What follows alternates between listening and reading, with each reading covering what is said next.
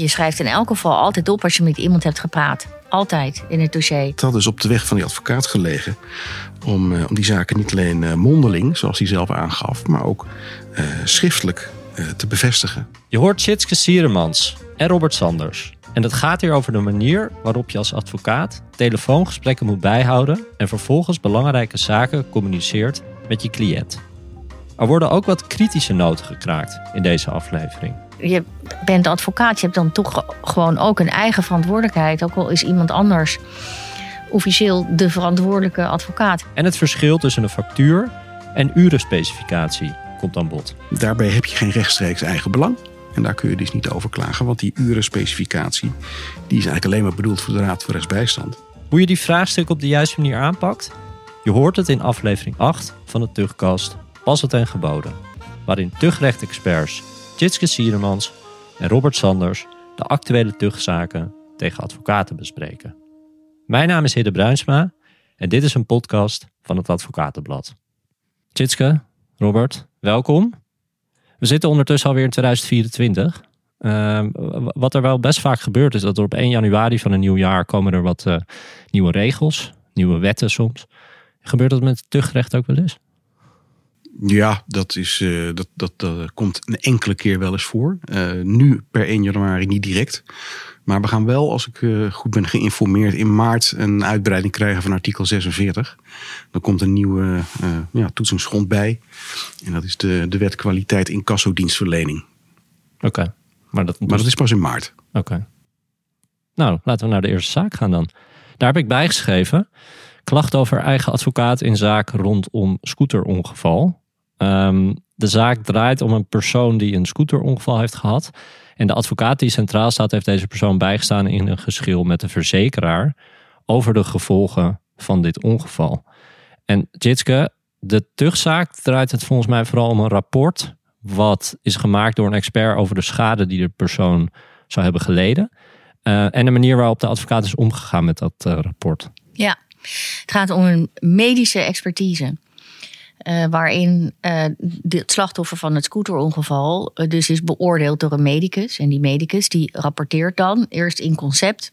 En die stuurt dat ook aan het slachtoffer. En die zegt dan nou dit zijn mijn bevindingen.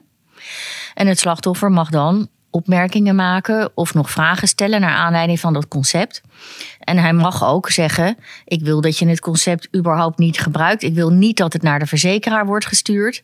Want um, je mag blokkeren, omdat het uiteindelijk gewoon je eigen medische gegevens zijn. Mag je blokkeren dat die doorgestuurd worden naar iemand anders. Ja, niet iedereen voelt zich daar misschien prettig bij of wil dat een andere partij daar beschikking over heeft. Ja, of als je het totaal oneens bent met de inhoud, kun je ook zeggen: Nou ja, zo wil ik niet dat het, uh, dat het bij de andere kant terechtkomt. Want het ging er natuurlijk om dat uh, de verzekeraar die moest vaststellen hoe groot de schade was van dit slachtoffer, gebruik wilde gaan maken van dat rapport. Nou, de advocaat van het slachtoffer heeft uh, gezegd: Nou, ik heb het concept gezien, ik word er niet vrolijk van. Of woorden van die strekking staan er volgens mij in de uitspraak. Maar ik zou het toch maar vrijgeven aan de verzekeraar, want we moeten gewoon met die zaak verder. En we zijn al zo lang onderweg. En die schade moet vastgesteld worden. En uh, uiteindelijk wordt dan ook nog ergens in de correspondentie gezegd: En misschien kunnen we dan ook nog een stukje van de kosten die ik heb en maak als advocaat, die het slachtoffer zou moeten betalen, misschien dat dat dan ook nog wel uh, wordt vastgesteld. Nou, en um, uiteindelijk geeft het slachtoffer geeft dat rapport vrij. He, dus die zegt ja, oké, uh, het mag naar de verzekeraar worden gestuurd. En achteraf blijkt dat het slachtoffer zich dat niet goed heeft gerealiseerd. Hij betwist eerst hè, dat hij die vrijgave heeft, ge heeft uh, gezegd. Uh, dat zou ook vastgelegd zijn in twee telefoonnotities van die advocaat. Maar goed, daarvan zegt, zegt de raad en het hof zeggen... ja, we, we, vinden die wel authentiek, die telefoonnotities. Dus we geloven wel dat het slachtoffer heeft gezegd... oké, stuur het rapport maar naar de verzekeraar. Maar de advocaat had moeten zeggen tegen het slachtoffer: luister, overzie jij wel de gevolgen van toezending van dat rapport? Want er staan dingen in waarmee je niet eens bent. En dat leid ik een beetje af uit de uitspraak. Dat leidt er dus toe dat er niet zoveel schade zal zijn bij het slachtoffer als het slachtoffer zelf vindt dat hij heeft. De Raad van Discipline, zoals we net ook al zeiden, had, uh, had besloten dat het rapport niet zonder instemming van de cliënt aan de verzekeraar is verstrekt. Maar de advocaat is wel de mist ingegaan bij het schriftelijk bevestigen aan zijn cliënt dat het rapport daadwerkelijk is verzonden en wat daar de gevolgen van zouden kunnen zijn. Stukje informatievoorziening dus ook. Uh, Robert, de advocaat voert bij het Hof aan dat het wel degelijk duidelijk was voor de cliënt wat de gevolgen van het versturen van het rapport zouden zijn, gezien de vele mondelinge contactmomenten. Maar hoe, hoe bewijs je mondelinge contactmomenten? Ja, nou ja, dat is wel heel grappig in deze zaak. Want het eerste klachtonderdeel, dat ging er juist over dat die uh, advocaat het Ehm, het rapport zonder instemming van de klager naar de zeker had gestuurd. En uh, toen daar discussie over ontstond, toen heeft de advocaat gezegd: Nou ja, dat blijkt uit twee telefoonnotities. Dat heeft de raad overgenomen. En uh, hoewel de klager dan in hoger beroep aanvoerde, ja, die telefoonnotities, die, uh, ja, die kan iedereen achteraf wel maken. Dus daar kun je geen bewijskracht aan ontlenen. En het Hof zei: nee, die telefoonnotities die zijn authentiek. Ehm, ja, en daarin uh, kunnen we, we kunnen dus uitgaan wat, wat er in die telefoonnotitie staat vermeld. Met andere woorden, die telefoonnotities die grondden dus als bewijs voor de stelling dat er wel degelijk toestemming uh, en instemming van de klager was verkregen. Maar een telefoonnotitie voor mij is dat gewoon een screenshot van dat je hebt gebeld met iemand? Dat kan. Ik ja. maak ze ook. Uh, het, kan, het kan een handgeschreven notitie zijn met de datum en de namen met wie je spreekt. Ja, dus jij belt met, soms, met een cliënt en dan schrijf je op van hey, ik heb op die en die datum ja. met die persoon gebeld ja. en het ging hierover. Ja, en, en som, he, je, je kan het, dan zie je vaak ook in je, in je urenadministratie zie je natuurlijk dat je een telefoongesprek hebt gevoerd met de cliënt. Want normaal gesproken schrijf je dat ook in je urenadministratie op. En uh, soms maak ik ook wel eens een printje van mijn agenda. Ja. Uh, van, de, van, de, van de agenda-afspraak. En dan schrijf ik het daarbij. Het kan zijn dat het gewoon kleine dingen zijn. Of dat je weet, er komt hierna nog iets. En dan, dan kan je het ook weer bevestigen. Maar je, je schrijft in elk geval altijd op als je met iemand hebt gepraat. Altijd ja. in het dossier. En soms bevestig je dat, maar niet altijd. Nou, en dan, dan, dan komt eigenlijk een beetje het, ja, het konijn uit de hoge hoed. Ja, want um, het aanleveren van die telefoonnotities, dat heeft die advocaat dus geholpen. Zeg maar gered in terugrechtelijke zin bij, uh, bij dat eerste klachtonderdeel. Maar het tweede klachtonderdeel, en dat is eigenlijk ook een beetje opgehangen aan gedragsregel 16. Namelijk, je moet als advocaat belangrijke afspraken uh, en feiten, die moet je bevestigen, schriftelijk bevestigen aan je cliënt. Nou. Ja, dus, dus jij belt met een cliënt, daarin wordt iets belangrijks besproken. Dan is het dus wel slim om daarna even een mailtje te sturen naar die cliënt. Dit en dit hebben wij besproken, ga je hiermee akkoord? En dat is hier niet gebeurd. Dat is niet gebeurd. Had, had natuurlijk wel voor de hand gelegen. Maar in, in, in dat tweede klachtonderdeel van heb je nou je uh, cliënt voldoende op de hoogte gesteld en ook schriftelijk bevestigd dat je dat rapport hebt ingebracht. En dat je je cliënt ook hebt gewezen op de consequenties daarvan. Nou, daarvan zeggen de tuchtrechters in dit geval. Uh, ja, daar is hij toch in, in tekort geschoten. Want uh, dat had beter gemoeten, zegt het Hof. En het had dus op de weg van die advocaat gelegen.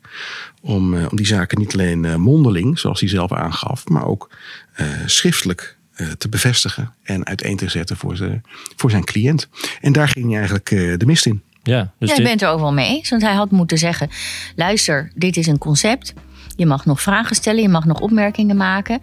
Daar gaat die medicus dan naar kijken. Misschien wordt het wel of niet in het rapport verwerkt. En dan komt er een nieuwe versie. En dan mag je zeggen: ben ik het ermee eens? Of ben ik het er zo nog steeds definitief mee oneens dat ik niet wil dat het naar de verzekeraar gaat? Ja. En als het op deze manier naar de verzekeraar gaat, wat zijn dan de mogelijke gevolgen? Nou, waarschijnlijk dat er een aantal klachten en beperkingen niet worden vastgesteld door die medicus. En dat daarmee je schade lager wordt dan je zelf in elk geval vindt.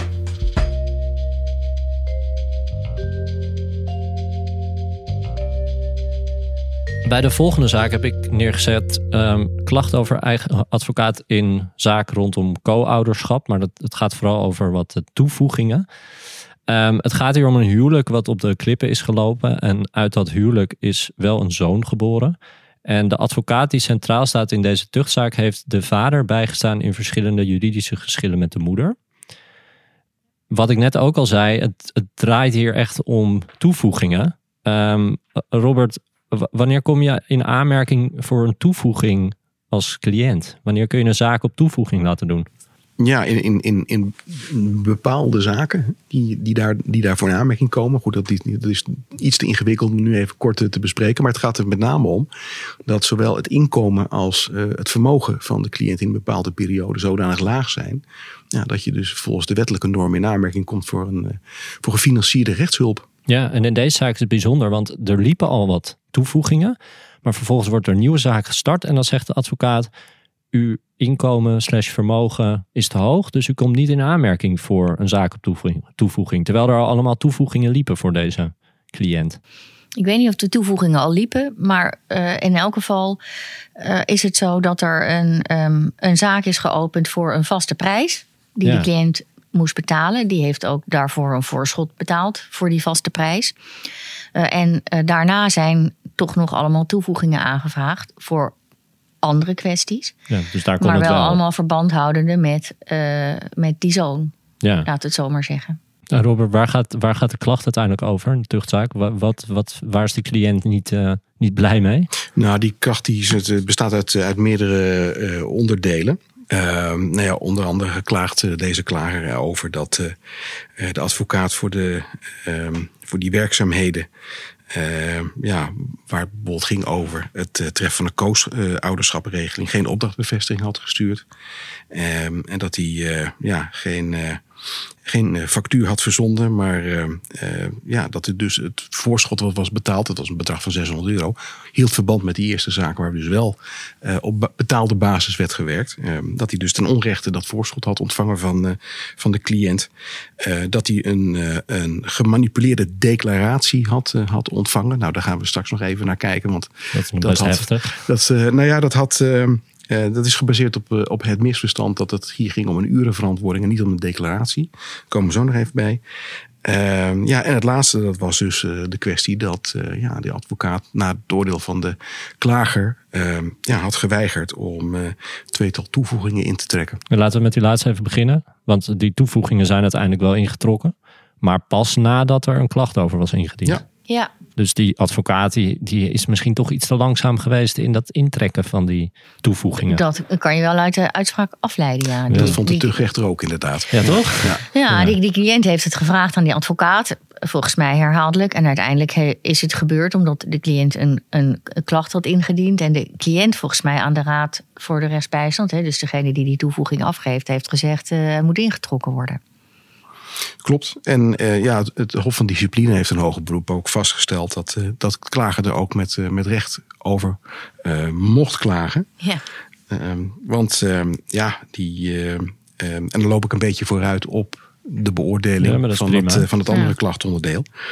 Maar ja, je kunt, dus, je kunt dus met recht klagen uh, over, uh, over de omstandigheid dat, uh, dat een toevoeging niet wordt, wordt ingetrokken. Want het niet intrekken, dat kan namelijk tot, tot gevolg hebben dat je uh, een, een eventuele eigen bijdrage verschuldigd bent. Dus daar had de klager wel degelijk een, een belang bij. En, en zit er dan nog verschil in dat een advocaat wel of niet werkzaamheden heeft verricht op een toevoeging? Of je hem nog kan intrekken en zo ja, wat dan de financiële consequenties zijn? Ja, in dit geval is gezegd, ja, die zaken zijn gewoon geen zaak geworden. Nee. Dus... En de advocaat heeft daar niks voor gedaan. En de advocaat kon in deze tuchtzaken in elk geval ook niet hard maken dat hij iets in die zaken had gedaan waarvoor die toevoegingen waren aangevraagd. En ja, als je niet gewerkt hebt, heb je ook geen reden om een toevoeging uiteindelijk te declareren. Dus uh, die toevoeging kon gewoon worden ingetrokken. Dus, dus als, als je een toevoeging hebt als advocaat, je hebt nog geen werkzaamheden verricht en een cliënt verzoekt om die toevoeging in te trekken, dan moet je daar gewoon zo snel mogelijk mee aan de slag ja, gaan. Zegt het Hof, dan ben je in beginsel gehouden om, uh, om die toevoeging in te trekken. Uh, ja, en dan is het niet intrekken, dat is dus zoals als, uh, het Hof ook oordelen in deze casus, eh, onbetamelijk. Ja. Ja. Wonderlijk is wel dat, ja, omdat de, de, de advocaat de, de, de toevoeging alsnog had ingetrokken. Ehm, onder dreiging van, van, de, van de. Ja, daarvan zei het, zei het Hof, uh, ja, dan is er toch ook geen sprake van een dusdanig uh, verwijtbaar handelen, dat er dan een maatregel moet worden opgelegd. Dat is dan wel weer wonderlijk. Hè? Dus met de ene hand wordt gezegd, het is onbetamelijk. En aan de andere kant wordt gezegd, nou ja, niet zo erg dat we, dat, we, dat we maatregelen gaan opleggen. Hij komt er goed vanaf, volgens mij, de advocaat. En nog, nog heel even naar die, naar die factuur of dat urenoverzicht. De, de, de, de manipulatie, wat jij net zei. Wat was het? Uh... Ja, ja, ik zei al dat uh, in het kader van die, van die intrekking zei uh, het Hof... nou, dan heb je als klager rechts van spreken. Dan mag je, dan mag je een klacht in, indienen, want dan ben je rechthebbende... heb je dus een klachtrecht in dat geval. Maar dat lag anders bij ehm, ja, de urenverantwoording die uh, de klager of de, advocaat had opgesteld ten behoeve van de Raad voor Rechtsbijstand. En die was ook bij uh, klager terechtgekomen. En die had het idee, ja, dat klopt niet. En uh, ik trek daarover bij de tuchtrechter aan de bel. en daarvan zeiden de Raad en, en ook het Hof, ehm, ja, dat, daarbij heb je geen rechtstreeks eigen belang. En daar kun je dus niet over klagen, want die urenspecificatie die is eigenlijk alleen maar bedoeld voor de Raad voor Rechtsbijstand. En, uh, dat is echt iets anders dan een factuur, dan, ja, dan precies. een declaratie. En, en, eventueel, en een eventuele hogere eigen bijdrage. Ja, dat is niet het gevolg van die, van die urenspecificatie, maar dat, had, dat houdt verband met uh, het vermogen en het inkomen van de klager.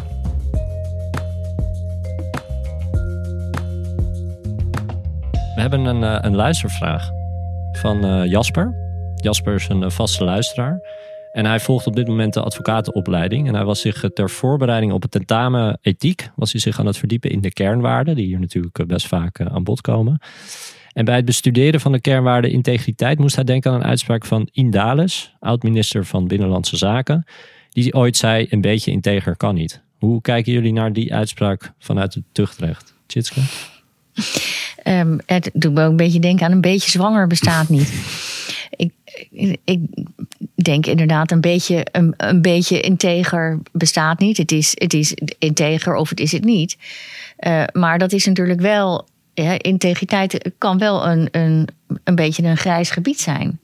En die uitspraak nu net over die toevoeging, daarvan zou je ook kunnen zeggen: ja, uh, als jij uh, weigert om die toevoegingen te laten intrekken, je weet dat jouw cliënt daar dan eigen bijdrage voor moet gaan betalen. En je doet het pas op het moment dat je bij de tuchtrechter moet verschijnen, dat er een klacht wordt ingediend, kun je ook zeggen: ja, hm, hoe integer is dat eigenlijk dat je het dan pas doet? Uh, maar dan komt het Hof toch wel terug met eh, de mededeling: het is niet dusdanig verwijtbaar dat we een maatregel gaan opleggen. Dus misschien een beetje niet integer dan. Ja, Robert, jij zei net uh, dat jij die uitspraak volgens mij wel eens hebt gebruikt. Ja, ja want ik, ik, ik denk dat het natuurlijk ook wel klopt, hè, want integriteit is niet schaalbaar denk ik. En uh, hoewel ja, de uitleg die Tjitske net geeft aan, uh, aan de uitspraak die we net bespraken, zou, zou, misschien tot een andere conclusie kunnen leiden. Maar ik denk dat het uitgangspunt toch zou moeten zijn uh, ja, dat, je, dat je niet kunt beknibbelen op integriteit. Wat, wat ik me wel kan voorstellen, is dat je integriteit per gedraging moet afmeten. En uh, ja, bij iedere individuele gedraging van een advocaat, waarbij de maatstaf van de kernwaarde integriteit wordt aangelegd, uh, zou je dan tot de conclusie kunnen komen: dit is wel of niet integer handelen. Um, en de veelheid van die handelingen zou dan kunnen leiden tot de vraag van is deze advocaat uh, uh, als persoon integer? Maar uh, het grappige is dat ehm, de wet eigenlijk alleen maar zegt dat een advocaat integer is. Dus kennelijk hebben we toch te maken met een soort ja, karaktereis die wordt gesteld. Ja. ja. Ja, en, en, en moet dan ook kennelijk voor iedereen duidelijk zijn wat dat is. Ja. In allerlei omstandigheden. Ja. Nou Jasper, ik hoop dat je hier iets mee kan.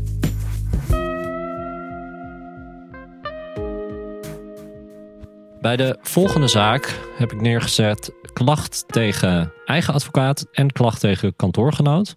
Uh, dit zijn eigenlijk twee zaken in één. En de persoon die hier klaagt, dat was zelf ook een oud advocaat, een oud cassatieadvocaat. Um, die heeft op een bepaald moment schade geleden door een operatie in een ziekenhuis. Um, en die zaak die komt uiteindelijk bij de Hoge Raad. En in de cassatiezaak wordt deze persoon bijgestaan door een cassatieadvocaat en diens kantoorgenoot. Um, Robert, als je de feiten leest, dan voel je eigenlijk al vrij snel dat de samenwerking niet helemaal uh, soepel verloopt. En dat, je, dat er toch wel wat oneenigheid bestaat over de te volgen juridische insteek. Volgens mij, de klager die, die dient ook na één dag al zijn, zijn soort van overzicht met bouwstenen in. Van nou jongens, hier, ik heb het alvast uitgewerkt voor jullie. Ga maar aan de slag. niet echt een lekker begin. Dat, uh, dat klopt. Ja, dat, uh, dat krijg je natuurlijk als je een cliënt in de arm neemt die zelf ook het klappen van de zweep kent of meent te kennen. Yeah. ja, die, die had al wat huiswerk gedaan. En die leverde een complete set met, met schriftelijke bouwstenen aan. Waarop hij vond dat de cassatieadvocaat die een de arm had genomen, maar, maar moest voortbouwen. Ja, er stond volgens mij ook bij van ik heb alvast wat voorbereidend werk gedaan. Het, het scheelt jou ook weer werk. Zo van ik ben alvast lekker aan de slag gegaan. Ja. Um, er worden wel uh, op een gegeven moment wat declaraties uh, opgestuurd en ook voldaan. Maar wel elke keer onder protest, Tjitske. Er stond, wat stond er nou bij? Sans uh, prejudice. Sans prejudice. En wat betekent ja. dat dan even voor mij? Van dat je dan onder protest betaalt? Dat je het niet helemaal eens bent met hoe het loopt? Ja, ik denk dat het op die manier bedoeld is. Je kunt inderdaad onder protest betalen. Of je kunt zeggen, nou, uh, ik betaal want ik wil dat die zaak verder gaat. Maar ik wil er achteraf nog eens een keertje goed naar kijken. Ja, Robert, uiteindelijk komt er een, een klacht bij het kantoor zelf binnen. Uh, over, over de, de, de manier waarop er wordt samengewerkt. Waar, waar gaat die klacht nou eigenlijk over bij het kantoor zelf? Waar is de cliënt niet zo blij mee? Nou ja, hij, is natuurlijk, uh, hij beklaagt zich over de, ja, de, de, de kwaliteit en de, de declaraties. En uh, ja, dat heeft hij kennelijk al eerder gedaan. Want uh, de, de advocaat als klachtenfunctionaris, ik denk dat het om een heel klein kantoortje gaat, waarbij de advocaat zelf ook als klachtfunctionaris optreedt. Dat kan, dat mag. Dat mag. Die, die, of het verstandig is, is een tweede, maar het mag. En hij geeft geeft aan, uh, nou ik heb eigenlijk al eerder op die klachten gereageerd. Dus ik verwijs gemakshalve maar naar die eerdere, eerdere behandeling van, uh, van de klachten. Ja, en dat, uh, dat gaat dan ook deel uitmaken van het totale pakket aan, aan klachten. Want het ligt er niet om. Het is een, een behoorlijke, behoorlijke lijst met klachtonderdelen ja. geworden. En ook tegen de kantoorgenoot Tjitske, die wordt ook meegepakt in de tuchtzaak. Ja, ja daar is ook een klacht tegen ingediend. Dus degene die eigenlijk uh, het, uh, laten we zeggen, het voorbereidend werk heeft gedaan. Ja. Voor uh, het cassatieadvies en de stukken die uiteindelijk in cassatie zijn ingediend. onder verantwoordelijkheid van de andere kantoorgenoten. Ze hadden het er maar druk mee even bij dit kleine kantoor met, met twee tuchtzaken tegen twee. Dat ook nog eens een keertje. Robert, uiteindelijk komt het dus tot een lijst met klachten. Er zijn er een paar die daar de kern van vormen. Voor mij was het de belangrijkste, leek voor mij in ieder geval tegen, tegen de advocaat die centraal staat, dus niet de kantoorgenoot, um, dat er wat langzaam was gehandeld. Dat er weinig was gedaan. Dat er, uh, de, de, wat was er, twaalf, bij het twaalfde concept uh, kon, kon, de, kon de cliënt of de klager pas uh, reageren. Uh, het, het, ging allemaal langzaam in de ogen van de, van de klager. Jazeker. En wat hem ook dwars zat, is dat bij de twaalfde concept pas bleek dat hij eigenlijk helemaal niet uh, op die notitie bouwstenen ja. incidenteel cassatiegroep was. Nee, die bouwstenen die waren gaan, gaan, gaan werken. Ja. en dat maakte dus ook deel uit van de klacht.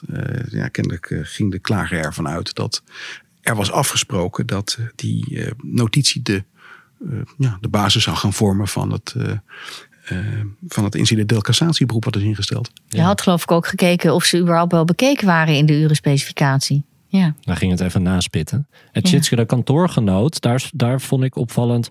Uh, die klacht, of in ieder geval de, degene die mij opviel, was dat hij zonder overleg de opdracht heeft uitgevoerd die aan een andere advocaat was gegeven. Dat vond de cliënt, die, die was daar niet zo blij mee. Nee, die was het daar niet mee eens. Je, je kunt je afvragen tegen wie is die klacht dan eigenlijk gericht. Maar ja, ja in dit geval is het dus aan degene die uh, het, het, werk heeft uitgevoerd, althans heeft voorbereid. Uh, maar je ziet ook dat uh, dat in elk geval strandt, die klacht. Omdat is gezegd, kijk, deze cliënt heeft een, een bevestiging gekregen waarin stond dat de baas en de, de, de, de uitvoerend advocaat stonden daar allebei met een uurtarief in. Ja. Uh, en uh, zoals Robert net al zei, de cliënt kent het klappen van de zweep en had zich dus moeten realiseren dat dat betekende dat ook die jongere kantoorgenoot in die zaak ging werken. En dat mag ook gewoon. De, de, de advocaat die de zaak kreeg, heeft assistentie kunnen vragen aan een jongere kantoorgenoot. Die mag die betrekken bij het uitvoeren van de opdracht. Uh, en um, hij had er ook mogen verwachten dat de cliënt daarmee akkoord was, omdat dat ook zo geoffreerd was. Ja. En uiteindelijk, het Hof van Discipline behandelt de zaak heel uitgebreid. Uh, het gaat een beetje ver om alle overwegingen hier te bespreken. Maar ik had er twee uitgehaald. Uh, Robert, ten eerste um, zijn ze het er wel mee eens dat, dat er dus te langzaam is gehandeld en dat er ook niet goed genoeg is gecommuniceerd richting de cliënt over dat cassatieadvies. Ja, het, het, het, komt erop neer dat de opdrachtbevestiging die, uh, die dateert uit maart 2019. En vervolgens, en dat heeft de advocaat eigenlijk ook wel moeten toegeven, heeft die zaak twee maanden stilgelegen. En uh, uh, ja, ook in, in die tussentijd heeft de, de, de, de, die kantoorgenoot, die ook betrokken was in deze kwestie, ook helemaal niks gedaan in deze zaak. En uh, ja, het Hof vond eigenlijk dat de, de advocaat dat ook onvoldoende met de klager had gecommuniceerd.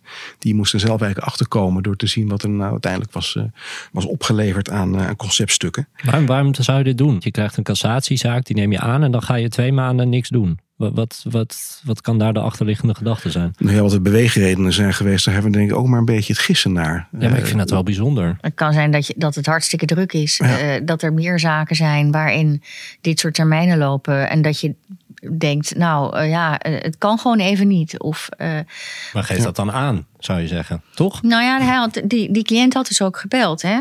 Ja, want die cliënt ook nog was een keer in april gebeld en gezegd: Ben je mijn zaak niet vergeten? Ja, van. Ja. Hoe staat nee, het nee. ermee? Ja. Ja. Ja, en uiteindelijk waren er nog maar een paar weken te gaan. En, Ja. en daarvan zegt het Hof, ja, dat is natuurlijk ook niet eh, zoals het hoort. Want Nee, want dan kan de cliënt niet meer ja, wisselen. precies. De, de, de, de, dat, eh, de, de, de advocaat die had eigenlijk eh, eh, ook moeten weten.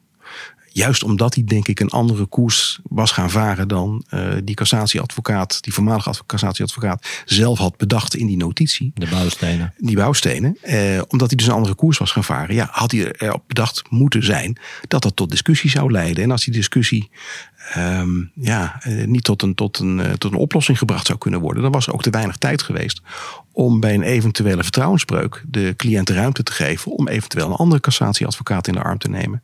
En ook dat was natuurlijk niet de juiste aanpak. Nee. Jitske, ze zijn ook nog heel streng over ehm, de financiële kant. Over de, de inschatting van de kosten. Ja, Want de advocaat had gezegd, het gaat tussen de 24.000 en 35.000 euro gaat het ongeveer kosten.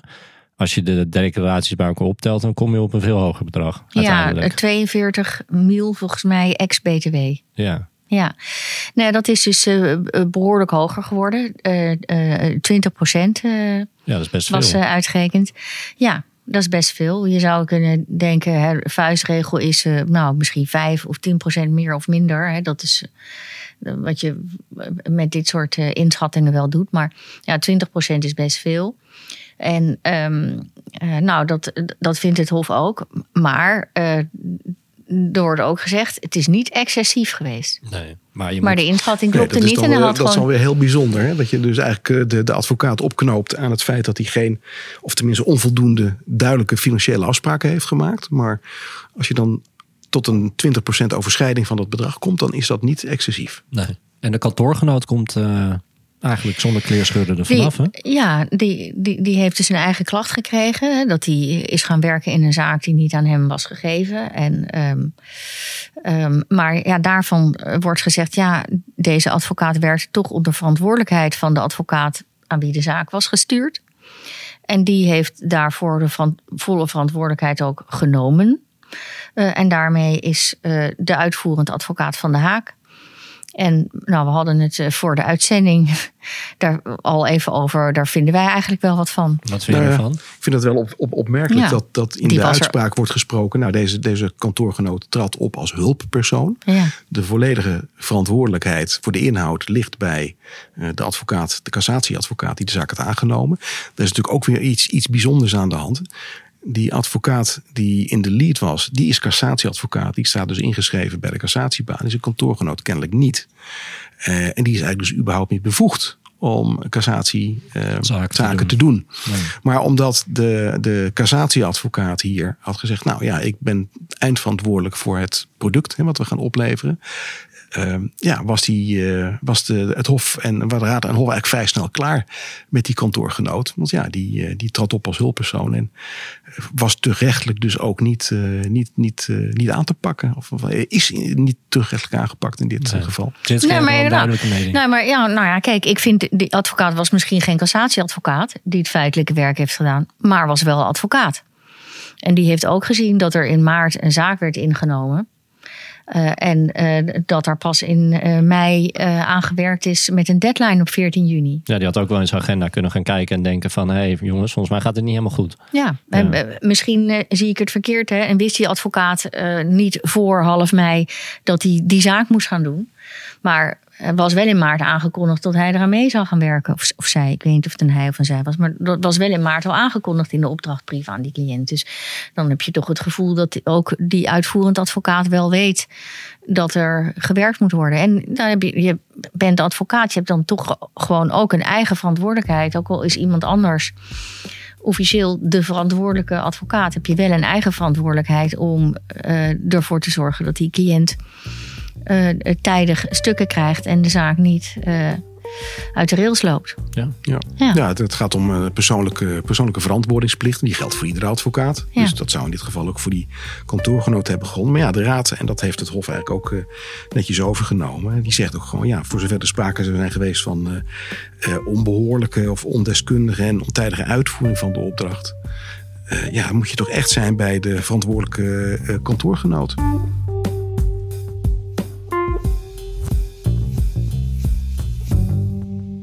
Ja, bij deze zaak heb ik gezegd zeldzaamheid. Uh, zo stond hij ook in de mail. Uh, het gaat hier over een advocaat die in 1984 uh, beëdigd is. En deze advocaat heeft op een gegeven moment aangegeven vanwege gezondheidsredenen geen cliënten meer aan te nemen slash eh, bij te staan. En op een bepaald moment is de deken samen met een lid van de Raad van de Orde langsgegaan bij deze advocaat. Omdat de deken had vernomen dat de advocaat toch weer eh, toevoegingen had aangevraagd. Robert, um, mocht je als advocaat langdurig ziek zijn, dan moet je, uh, moet je dat bij de deken aanmelden van hé, hey, ik, ik ben even niet aan het werk. Nou, het, het criterium wat hier, hier leidend is en waar deze zaak ook gebaseerd is, dat is eigenlijk helemaal geen tugrechtspraak. Uh, het gaat hier uh, om artikel 8e van de advocatenwet. Dat valt dus niet onder het hoofdstuk tugrecht. Maar dit is echt ordeningsrechtspraak. Maar het, het wordt wel beslist door dezelfde tugrechtelijke colleges als wanneer het gaat om een echte, echte tugklacht. En het effect is ook dat uh, na aanleiding van deze uitspraak de advocaat van het tableau is geschrapt. Ja, je gaat nu en, wel heel snel. En dan zul je zeggen, ja, daar komt hij. Dan zul je zeggen, ja, maar wacht even. Uh, moet je niet worden geschrapt of dien je niet te worden geschrapt als je iets heel ernstigs gedaan hebt. Deze advocaat had niks gedaan. En daar zat het dan juist in. Hij fungeerde niet meer als advocaat. En dan kan de, de, de Raad van de Orde uh, in het uh, desbetreffende arrondissement, die kan dan artikel 8e uit de kast trekken. En dan uh, is de deken in dit geval als voorzitter van de Raad van de Orde ook de, ja, de, de woordvoerder of degene die het verzoek in, inleidt bij de Raad van Discipline. Ja, want Tjitske, ik, ik zei net van, vanwege gezondheidsredenen, maar op een gegeven moment geeft de advocaat aan van hé, hey, mijn gezondheid gaat weer de goede kant op. Ik wil weer, uh, ja, ik wil mijn kantoor weer een beetje gaan, gaan opstarten. Um, maar vervolgens wordt er tijdens een nieuw kantoorbezoek wordt er een handgeschreven verklaring opgesteld waarin de advocaat aangeeft: ik ga me laten uitschrijven. Ja, maar die trekt hij dan weer in. Ja, ja. Uh, alles bij elkaar duurt het zo'n jaar of drie volgens mij. Uh, dat er uh, een kantoorbezoek is geweest en dat de advocaat met, met zijn gezondheid loopt te tobben. En dan komt er weer een bezoek. En ja, dat, dus dat duurt een tijdje voordat het, het lek boven is, zullen we maar zeggen. Maar ik begrijp ook dat er uiteindelijk een, een, um, een, een bericht is gekomen van de bewindvoerder van deze advocaat. Dat uh, deze advocaat toch geestelijk wel behoorlijk achteruit gegaan hij lag is. in het ziekenhuis ook. Ja, hij had te maken met een ja. derde hersenbloeding. Dus hij was eigenlijk ook helemaal niet meer in staat om de, de praktijk uit te oefenen. En, en daar komt dan eigenlijk de, de, de, de aap uit de mouw. Ja, maar hij, Als probeert, je niet meer... hij probeert het nog wel om, om, om het uh, in deze zaak te herstellen. Want hij wil heel graag zijn 40 hij jaar Hij wil zijn 40 jaar ja. jubileum nou, als advocaat. Daar ging, daar ging, het, hem, daar ging het me eigenlijk uh, vooral om. Hij, uh, ik, ik, ik weet niet in hoeverre hij oprecht gedacht heeft dat hij weer zou herstellen en de praktijk weer zou kunnen oppakken.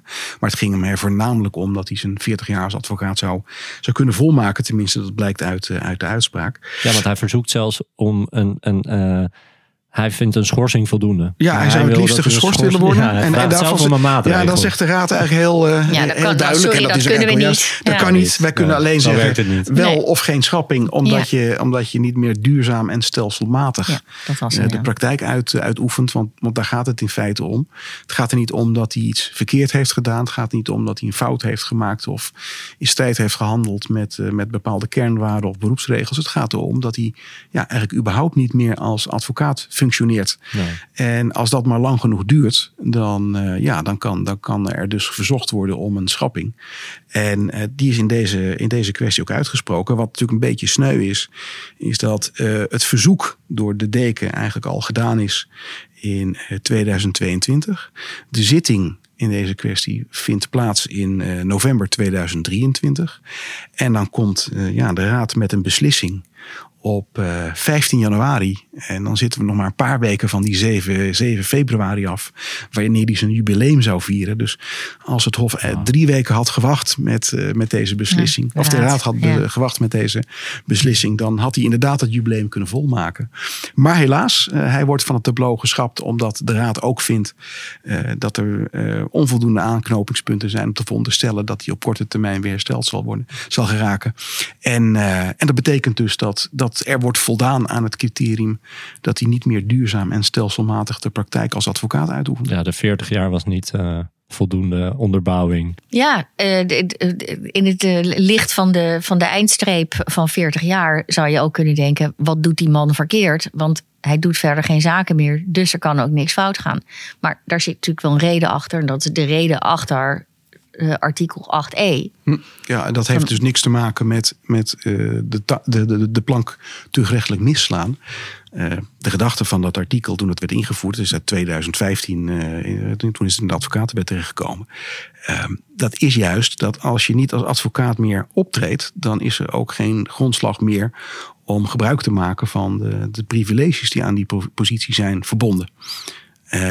Daar heb ik wel een beetje een gedachte bij. Ik weet niet hoe Tjitske daar tegenaan kijkt. Maar die privileges bestaan voor een groot deel uit mogen optreden binnen een domeinmonopolie en het gebruik maken van je verschoningsrecht. Ja. En dat zijn nou juist privileges die je alleen maar kunt inzetten als je Als in de hoedanigheid van advocaat optreedt. Dus het is een beetje een rare redenering eh, die achter dit, eh, dit, dit artikel zit. Nou, maar de- de- denk ik de gedachte. Ja, we willen niet heel veel advocaten hebben rondlopen in Nederland. die eigenlijk geen advocatenwerk doen. die geen advocaat meer zijn. die niet meer als zodanig optreden. maar nog wel met hun advocatenpasje lopen te zwaaien. Ja, maar hij kan nog een hoger beroep. Hè? Dus Ja, Nou ja, ja het is dus het- het- een, het- misschien dat hij die 40 jaar een hele haalt. verse uitspraak. dat zou zomaar kunnen. Ja. Want eh, ja, dan... eh, We houden het in de gaten en dan geven we wel een update in een, eh, in een Ja. volgende aflevering. Daarmee komen we aan het einde van de achtste aflevering van de Tuchtkast Pas ten Geboden. Alle tuchtzaken die wij in deze aflevering behandeld hebben... zijn met een linkje naar de uitspraak tucht te vinden in de show notes. Tjitske, Robert, hartelijk dank. Weer dat jullie er waren en voor jullie scherpe analyse. Mijn naam is Hidde Bruinsma. Dank voor het luisteren en tot de volgende aflevering.